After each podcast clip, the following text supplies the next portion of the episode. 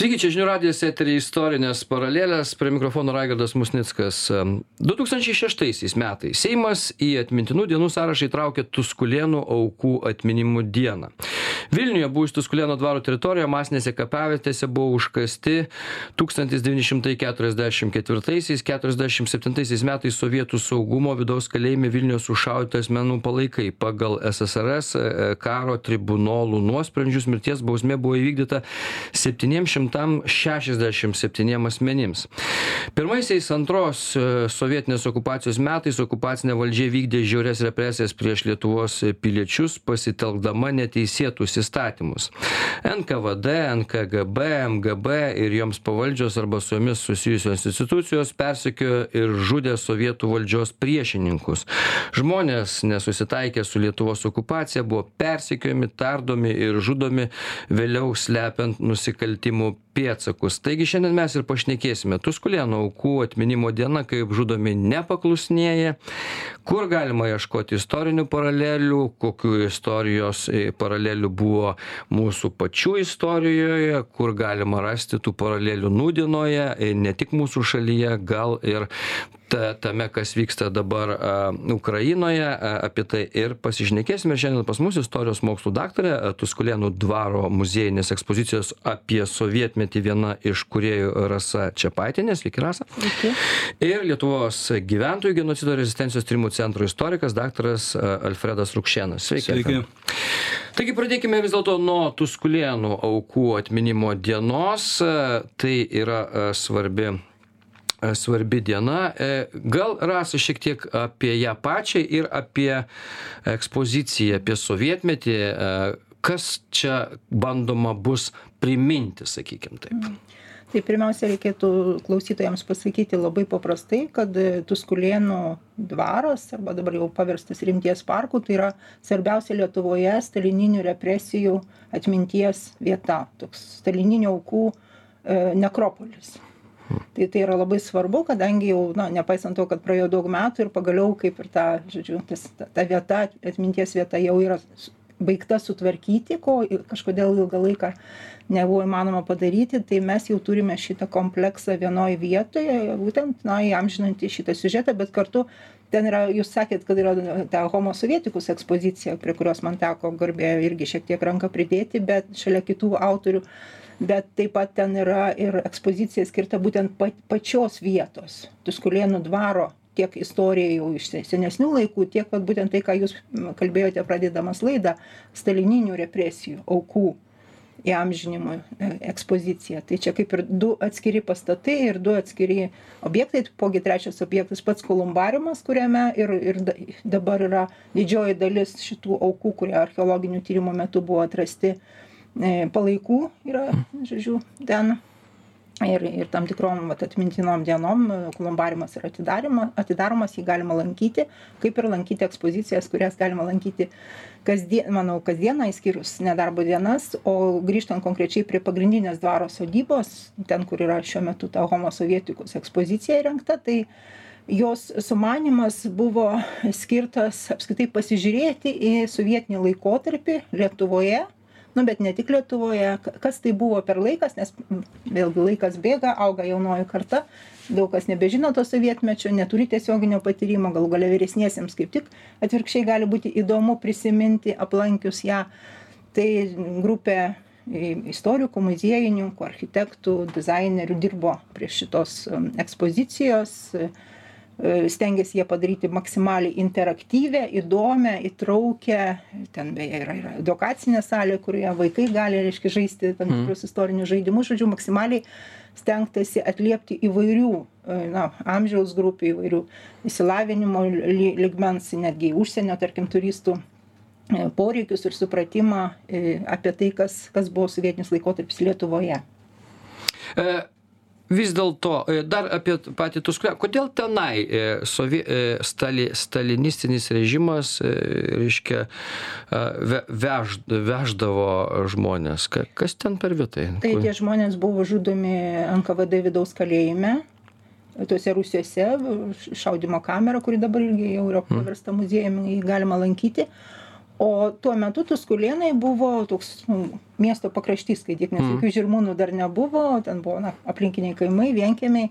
Tai tokia tikrai nuošali vieta ir tai reiškia nkvd sau užėmė šitą buvusio dvaro teritoriją visą ir tai buvo tikrai na pakankamai uždara vieta ma mažai žinoma reiškia kas vyko jos viduje reiškia naktimis sunkvežimiais atveždavo tuos nužudytų žmonių sušaudytų žmonių palaikus ir tiesiog užkasdavo bet kur tam parke tuose po prie medžių ten žodžiu pievose.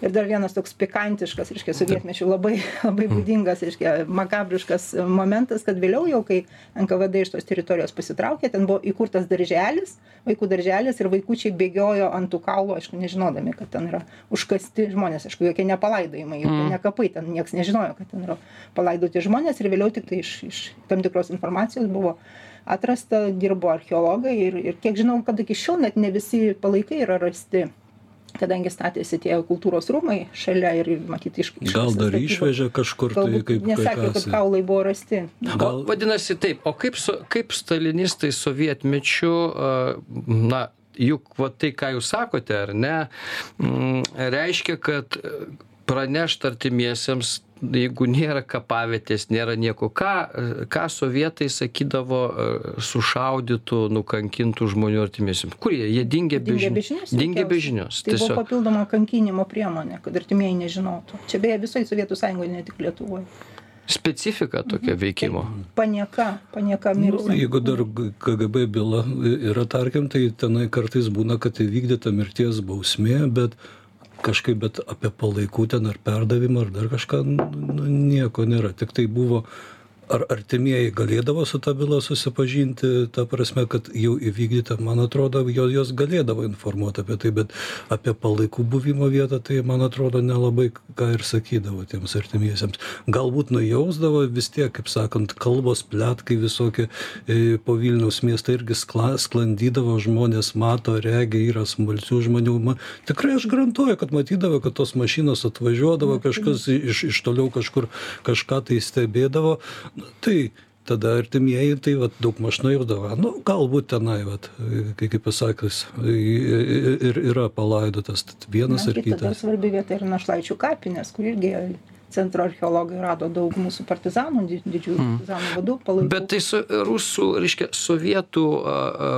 a skiriamasis bruožas yra nepagarba žmogaus net ne tai kad net gyvybei bet jau palaikams jau kai nu tu jau nebelab atminčiai ta prasme tai vyksta tai vat jūs irgi rasa parašėte knygą postsovietinis tranzitas nuo sovietų sąjungos žlugimo iki karo ukrainoje kas yra svarbu. Tai tai karas ukrainoj irgi rodo kad gyvybė palaikai kažkokie važinėjantys krematoriumai užkasti žmonės bele kaip sumesti į krūvą kažkokie viduramžiai tiesą sakant tai kaip sakant nė nėra žmogaus kūno lavono kaip sakant nėra ir atminimo žydo jeigu palaidojimo vietos iš tremtinių prisiminimų tą labai aiškiai matom kad tiesiog nu tarkim miršta žmogus e, e, etapuojamas į į sibirą tiesiog išvesdavo pakeliui.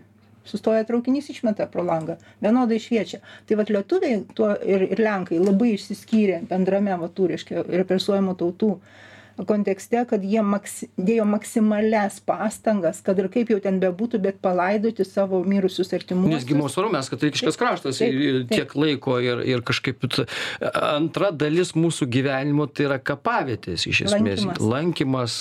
Kapavietės prisimini o o čia ta prasme tu atimi iš artimųjų net galimybę taigi labai svarbu taigi ir ir ir ir vis dėlto man įdomu niekaip nepasiaiškindavo niekaip ir toliau tas tai yra vienas iš bruožų neatsakyti net šeimoms o šeimos kaip reaguodavo jos kreipdavosi ieškodavo bandydavo suprasti ar taip ir lieka nežinioje tai kad gal paprasčiausiai pasakydavo kad neieškokit tų palaikų ir viskas nu tai ką nu bet tai išvežė tai ne ne ne ne stichinės nelaimės metu gi žuvo žmogus reiškia jisai. Prisiminkim dar vieną dalyką irgi toks tokia sovietinė makabrika kai žuvusių partizanų kūnai numetami miestelių aikštėse kad artimieji pamatytų ir išsiduotų emociškai reaguodami ar ne? Kad juos tada būtų galima tremti į sibirą. Tai irgi visokių tų pasakojimų yra būdavo kad naktimis išvogdavo artimuosius ir kažkur ten nusivežę reiškia pasilaidodavo savo sodyboj kad gink dieve nieks reiškia nematytų nežinotų ten kokį medelį pasodindavo. Tai tokių tikrai na lietuviškų antigonių mes mes daug turim reiškia kai sesuo brolį tarkim palaikus iš parsiveža. Tai tokie laikai buvo vis, visiškai, reiškia, na, nužmogėjimas. Kiek atsimenu, kiek tro, Trojos, e, reiškia, pasakojame Homero, kiek laiko e, va, e, dėrėjosi Priamas dėl savo sunaus kūno su Achilu. Ir ten visa, visas skyrius tam yra skirtas dėl vieno žmogaus. O čia reiškia tūkstančiais išmetamų žmonių ir, ir iš esmės e, negali gyvuoti imperija tokia net gerai, jeigu jinai negerbė mirusių atminimo iš esmės. Savus didvyrius nu, aš, iškeltus kaž, gerbdavo. Kažkaip tai galima sakyti būtų taip, gal čia toksai dviejopas požiūris. Bent jau man susidaro, kad vat, e, e, Rusijoje ten yra tos Vaganko, Vag, Vagankovo. Vagankovo kapinės viską. Mm. Ten e, tik, tikrai, man atrodo, patys rū, rū, rusai tikrai gerbė savo mirusiuosius. Bet, nu kaip... Nu, pažiūrėkit, kare, jų tūkstančiai tūkstančių Ukrainos kare kažkokiuose krematoriumuose, ne, neaišku, kokiuose deginami. Ten. Ne, tai čia karo metu, bet aš dar turiu prieš to. Tai man taip susidaro, kad įspūdis, kad jie, nu, pas, pas Rusijoje irgi yra tas e, stačiatiškas tas prisiminimų kultas ir, e, kaip sakant, mirusieji gerbiami. Nu, bet, o karas Ukrainoje, tai, tai rodo, kad, nu, ten šimtai tūkstančiai e, palaikų žmonių, nu, tai nėra kada laiko laidoti ir paprasčiausiai jos degina. Na, tai, plus tai bandymas nuslėpti nuostolius. Bandai, plus, plus čia tokia politika, bando nuslėpti tuos aukų skaičius. Jeigu tenai, pavyzdžiui, iš ukrainietiškų šaltinių ateina e, žinios, tarkim, ten jau kokie 200, 250 tūkstančių žuvusiųjų tenai e, Rusijos kareivių, tai tai oficiali statistika tenai tarkim kažka iš kažkokio ateina kad tiktai keturiasdešim šeši ši tūkstan tų tūkstančiai tiesiog nenori kelti moralinės panikos. nenori vis ma mažina o o kita vertus jeigu tų palaikų kaip sakant palaikų nėra ne nežinia kur jie dėjosi iš kažkur nu tai nu tai kaip gali būt jie ir sakys nu kaip čia gali būt du šimtai penkiasdešim tūkstančių jeigu tų palai palai neįmanoma parodyt. Ta prasme jeigu neįmanoma suskaičiuot kapų ta prasme. Kiti jeigu atsirastų aktyvistai aišku tokie kurie pradėtų tuos kapus skaičiuoti ir nustatinėtų. Bet kadangi kapų nėra tai nėra nu tai ir, ir viskas skaičius toks. Kaip sakė tengi buvo paprasta ne? Nėra žmogaus nėra nėra bylos, ar ne? E, padarom trumpą pertrauką, po pertraukos pratesim.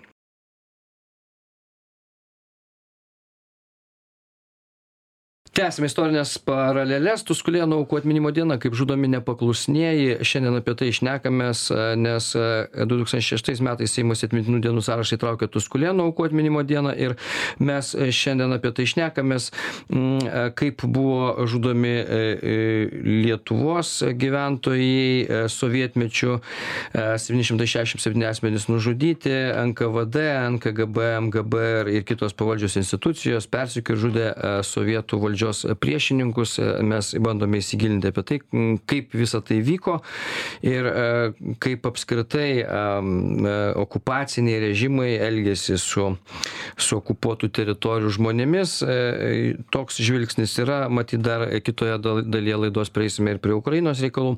Ir šiandien pas mus laidoje istorijos mokslų daktarė tuskulėnų dvaro muziejinės ekspozicijos apie sovietmetį viena iš kūrėjų rasa čepaitienė ir lietuvos gyventojų genocido rezistencijos tyrimų centro istorikas daktaras alfredas rukšėnas. E, tęsiant, tai vis dėlto e, soviet, aiškia, e, okupacinis režimas, šiuo atveju stalininis, sovietinis, kai, ką jisai okupuotose teritorijose, šiuo atveju vėlgi Lietuvoje, mato kaip priešus, kas tie žmonės kuriuos reikia sunaikint pirmiausia. Nes dar vienas iš veikimo sovietų priemonių nu ir okupacinių režimų turbūt yra ne elitą nebūtinai naikinti. Jį galima pervilioti nupirkti ir pajungti savo reikalams e, propaguoti. Dalį perviliojo da, dalį ir perviliojo e, e, elito, bet, bet tai patraukė labiau, galbūt pavyko patraukti tą elitą, kuris yra tokių daugiau kairė, kairesnių pažiūrų. Socialdemokratiškos buvo pakraipos ir, tai, ir, ir taip toliau. Tas elitas irgi, kaip, kaip, kaip, kaip, nu, kaip visuma, tai buvo tokia ne visai vienalytė. Vieni elito nariai buvo tokių krikščionių demokratiškų pažiūrų, kiti tautininkiškos mm. pasaulyje žiūros, kiti soci, kaip socialdemokratiškos jie, jie galėjo bū, bū, būti labai įvairūs. Ir, ir kaip, nu, kaip pasakyti, prieš prasidedant okupacijai soviet, sovietiniai 40 metais, tai buvo numatyta, kad reikės persekioti šaulius, šaulių, šaulių organizacijos narius, įvairių ten, įvairius jaunalietuvius, nu, karininkus ir taip toliau. Bet aišku, toks požiūris, manau, vis tik egzistavo, kad kai kuriuos galima patraukti ir į savo pusę. Galų gale pats Sniečkus. Tai jisai irgi buvo kilęs iš turtingos ūkininkų šeimos, kur tenai virš 40 hektarų e, turėjo. Bet jisai, kaip pasakyti, turėjo e, buvo, buvo įsitikinęs komunistas, komunistinis ideologas. Tai pavyzdžiui galbūt iš tų organizacijų buvo, buvo galima pat, atleisti, kaip sakant, nepristatuotos asmenys, nu, kurie parodys lojalumą, kurie prisijungs į socialistinio, kaip sakant, e, elito gretas ir panašiai. O tie, kurie nepaklūsta, nu, tai automatiškai jie turi būti represuojami, nu, visuomenė šitą turi būti šva. Koks tas nepaklusimo lygis, e, nes tu gali, nu, ne, nepaklūsti, kitaip sakant, ką reiškia paklusti ir nepaklusti čia vėlgi klausimas toksai įdomus nu. Tai aš galiu pasakyt taip keturiasdešimtais keturiasdešim pirmais metais nu pra okupacija aneksija kaip sakant įvyksta ir kyla pasipriešinimo judėjimas e, Lietu, mm. Lietuvoj. Tai ga, galima sakyti. Čia taip. aktyvus nepaklusnumas yra, mes turime minėti. Nu, aš, aš turiu pasipriešinimo judėjimas, tai yra nu, nepa, nepaklusnumas. Jų mm. tikslas atkurti nepriklausomą Lietuvos valstybę ir toliau. Ir ką mes matom? Jeigu pa, paimsim, tarkim, Kauno Vytauto didžiojo universitetą, nu, tai matom, ten dirba Damušis, e, kaip sakant, e, Vėbra, Amaraze Rinkevičius ir kiti, e, tai jie jau, aišku, tokie daugiau krikščioniškos, e, demokratiškos pakraipos žmonės, ateitininkai, nu, bet tenai ir, aišku, buvo ir, vis, ir kitokių dėstytojų, kurie daugiau e, šitą kaip pasakyt, buvo socialdemokratiškos, galbūt tokios, sakyčiau, kairė, ar kažkaip kairesnėsios pakraipos.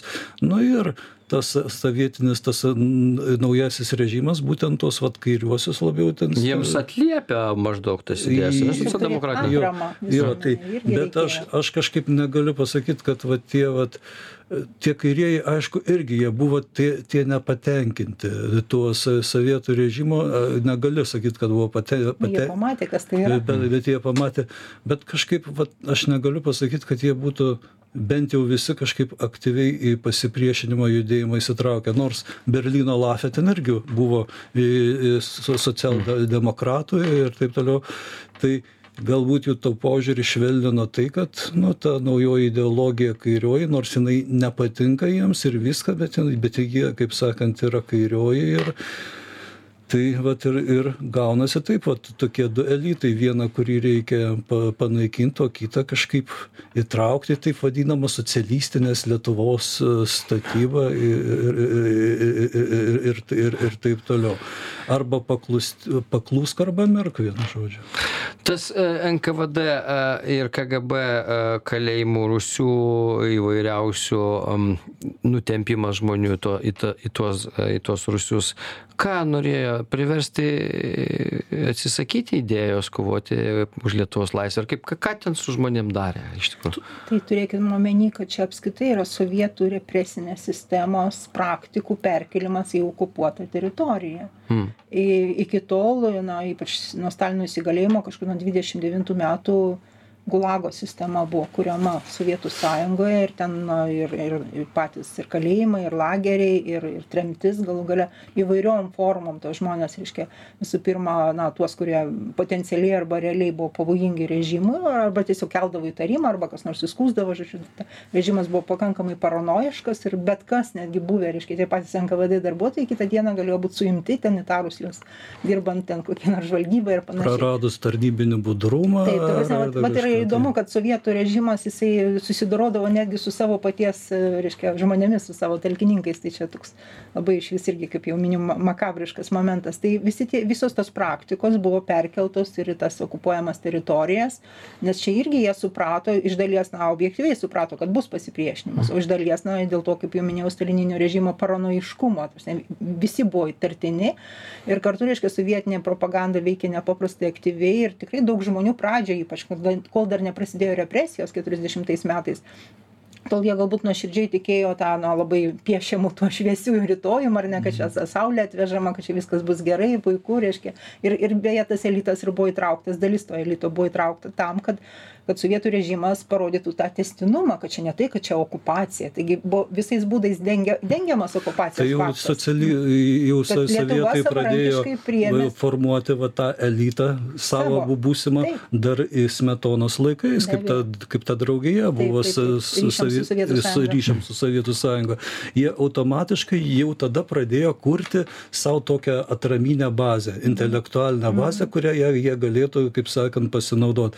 Nes, nu, pagalvojus, jeigu okupuoji, o visi priešiški ir niekas su tavim nebendrauja. Tai kažkaip sudėtinga tą okupaciją, aneksiją gyvendinti. Jiems vat, buvo labai svarbu, kad jau okupavus ir, ir pradedant imtis aneksinių e, šitų veiksmų, kad būtų vat, tie žmonės, už kuriuos galima būtų užsikabinti, kuriuos galima būtų remtis. Dėkui. Trumpą pertrauką padarom, naujausios žinios po pertraukos pratęsim.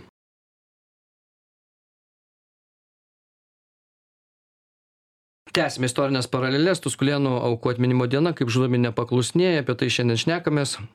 Istorijos mokslo daktarė Tuskulėnų dvaro muziejinės ekspozicijos apie sovietmetį viena iš kuriejų Rasa Čiapaitinė ir Lietuvos gyventojų genocido ir rezistencijos tyrimo centro istorikas daktaras Alfredas Rukšėnas. Šiandien mūsų laidoje mes e, prisimename e, sovietų okupacijos metais nužudytus Lietuvos piliečius, kurie priešinosi e, sovietų režimui ir e, visos e, represinės organizacijos, pradedant NKVD, NKGB, MGB, KGB turbūt ir, ir visais kitais, e, e, kaip žudė mūsų piliečius ir kaip siūlo jiems bylas arba bandė sulaužyti Rusijose, o paskui išvežė Tuskulėnų e, dvaro teritoriją už, už kasdavo be kryžiaus ir be žymens jokio, nepraneždami net artimiesiems apie tai, kas nutiko su jų, su jų giminaičiais. Taigi, vis dėlto dar rasa,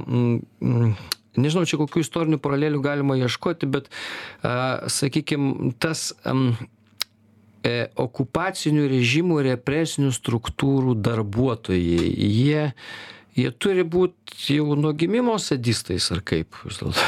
Kiek suprantu ten specializuodavosi vieni reiškia tos jau rankas pasitepdavo kiti gal labiau ten tardymę psichologiją labiau žmonių išmanė treti ten kokie administraciniu darbu užsiiminėjo. Tai ten į į dar dar vieni tarkim užsiiminėjo šnipinėjimu ar ten verbavimu. Tai čia vėlgi kaip ir bet kurioj įstaigoj Nu čia, žinot, tokia specializacija. įstaiga buvo, kurioje reikėjo įvairių žmonių. Mm, ir idealistų, ir lyriškų tokių a- asmenybių, ir tokių vat sadistų, tar- tardytojų. Ta prasme, reikėjo visokiausio tipo žmonių, kurie gali kažkaip pasitarnauti nu, šitos Būti efektyvūs, ar ne? į- įst- įstaigos šitam darbui. Nereikia ten įsivaizduoti, kad ten einaisi į tą NKVD, NKGB, kaip tuo metu buvo, kad ten ra, rasi kažkokį sužvėrėjusi NKVDistą.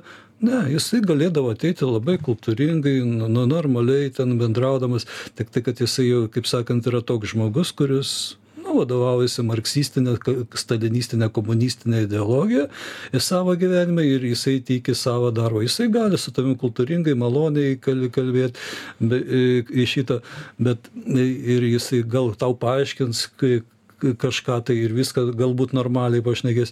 Bet aišku, ten nu, ta, ta įstaiga buvo įvairi. Pavyzdžiui, Bet- bet vis tiek, jeigu tai- jau tardymo da- dalį vat, paimsi, nu, tai ten tie tardytojai, tai da- dažnai va taip va yra kultūringas vienas tardytojas toks, kuris mandagiai klausinėja. Gerasis. Nu, e, nu, tai Mandagus sadistas, sako, Nu, tai tavariščiau Jurgaitį, koks ten tai papasako, kai ta tenai ta, ta, ta. Nu, taip. Taip, nu ką tavariščiau Jurgaitį nenorit pasakoti, tai mm, ateina kitas ta, jau tardytojas, kuris toli gražu netoks kultūringas, nusiveda ten, kur mm. reikia, e, tą vargšą kalinį visai kaip sumuša e, pagal savo metodikas tam tikras naudodamas fizinio taikymo priemonės, kurios buvo leg, kaip tokios legalizuotos dar per pirmojo sovietmečio laikotarpio ir tada kaip jisai, nu, palūšta, jeigu tarkim tasai žmogus, nu, tai jį atveda atgal, nu, tai jau tasai gerasis tardytojas, nu, ne, nebijok čia mes jau ta viskas tai taip jau nu tai jau dabar pasakysi čia viskas bus ramu. Nu tai va va va tokie va sadistiniai mm. tokie psichosadistiniai žaidimai bet vis tiek jie visi visa ta organizacija puikiausiai žino ar jisai idėjinis ar jisai sadistas maniakas ar ar ar pusiau maniakas. Jie gi iš principo vis tiek žino kad tai yra budelio organizacija kuri nuo pat pirmo nuo nuo gerojo iki blogojo visi sprendžia žmogaus likimą pasiųsti myriop nu kitaip sakant tai tai tai aišku yra. Ir vargu ar jie save taip identifikavo. Ne, jie nebūtinai laikė savęs, kad reikia kažką tai pasiūsti miriop. Jie, pavyzdžiui, tai, jie, kaip pasakyti, tie kaltinamieji, kurie buvo patraukti, kurie buvo jų manimo nepalankų sovietų režimai, nu, juos ne visus miriop šiaip pasiuntė, e, kitus pasiuntė 25 metus pakalėti į sunkiųjų darbų stovyklą, kitus 15 metų, kitus 10, o kai kam apskritai pasisekė kokius ten 5, 7, 8 metus e, pakalėti. Negalima teikti, kad jų ten tas tikslas buvo grinai vat, e, e, paimti vat, ir pasiūsti miriop. Jie vadovavosi paprasčiausia tokia logika. Jie yra įstaiga, kuri vykdo baudžiamą į persekėjimą, tardymus ir taip toliau. Viskas, aišku, prasidėdavo nuo to, kad e, nuo orderių suėmimams, nuo, nuo, nuo nutarimai dėl arešto dėl kardomosios priemonės skyrimo ir taip toliau. Ten paprastai būdavo nurodoma koks pagrindas viso to yra. Nu jį aišku sugauna tą kalt kaltinamąjį po to prasideda jo tardymas. Tardymas baigiasi išvados ir perduodamas e, kaip sakant e, e, jau teisminiam nagrinėjimui. Ir ir reikia pasakyt kad nu tas nkvd nkgb tai nebuvo teism teism teismo funkcijas vykdantis e, kuris priimdavo tą. Iš pat pradžių tai e, e, nagrinėdam nagrinėjimą jie perduodavo vidaus karo tribunolams pradiniu laikotarpiu po nu po keturiasdešimtų metų. Po to apie šešiasdešimtuosius metus ten jau teis dabar tiksliai visko neatsimenu įvyko įvairios teisinės reformos ir taip toliau jau būdavo perduodamos jau tasai vykdavo kitaip. Tai paprasčiausia kgb nkgb paprasčiausiai vykdė tą tardymą nu ir ir ir po to jau perduodavo teisminio nagrinėt teismui nu ir aišku jeigu jau priimdavo mir nuosprendį dėl mirties e, įvykdymo nu tai tada jau tai įstaigai tekdavo vėl pasidarbuoti e, įvykdant mirties bausmę. Bet e, aišku reikia pasakyt tokios laimės kabutėse ne visi tie mm. nuteistieji sulaukia bet daug sulaukia rasa jūsų knyga irgi liečia sakykim nuo nuo sovietmečio iki iki karo ukrainoje kaip vat me galima nukeliauti iki karo ukrainoje per so iš sovietmečio jūsų tokių paralelių jeigu žiūrėtume paieškose kaip jūs kokias jūs randate be abejo bet čia tema labai plati ir čia atskiros jo bet vat ką jūs matote požymius ukrainoje to apie ką mes dabar čia vat kalbamės laidoj gal nebūtinai šitie aspektai bet kažkokie mhm. kiti kalbant apie žudynes mhm. genocidą nepagarbą žmogui prisiminkime jau tai tos dvi garsiąsias putino kalbas kurias jis vieną pasakė dvidešim antrą vasario kitą jau dvidešim ketvirtos ryte kurie pagrindė karo prieš ukrainą poreikį.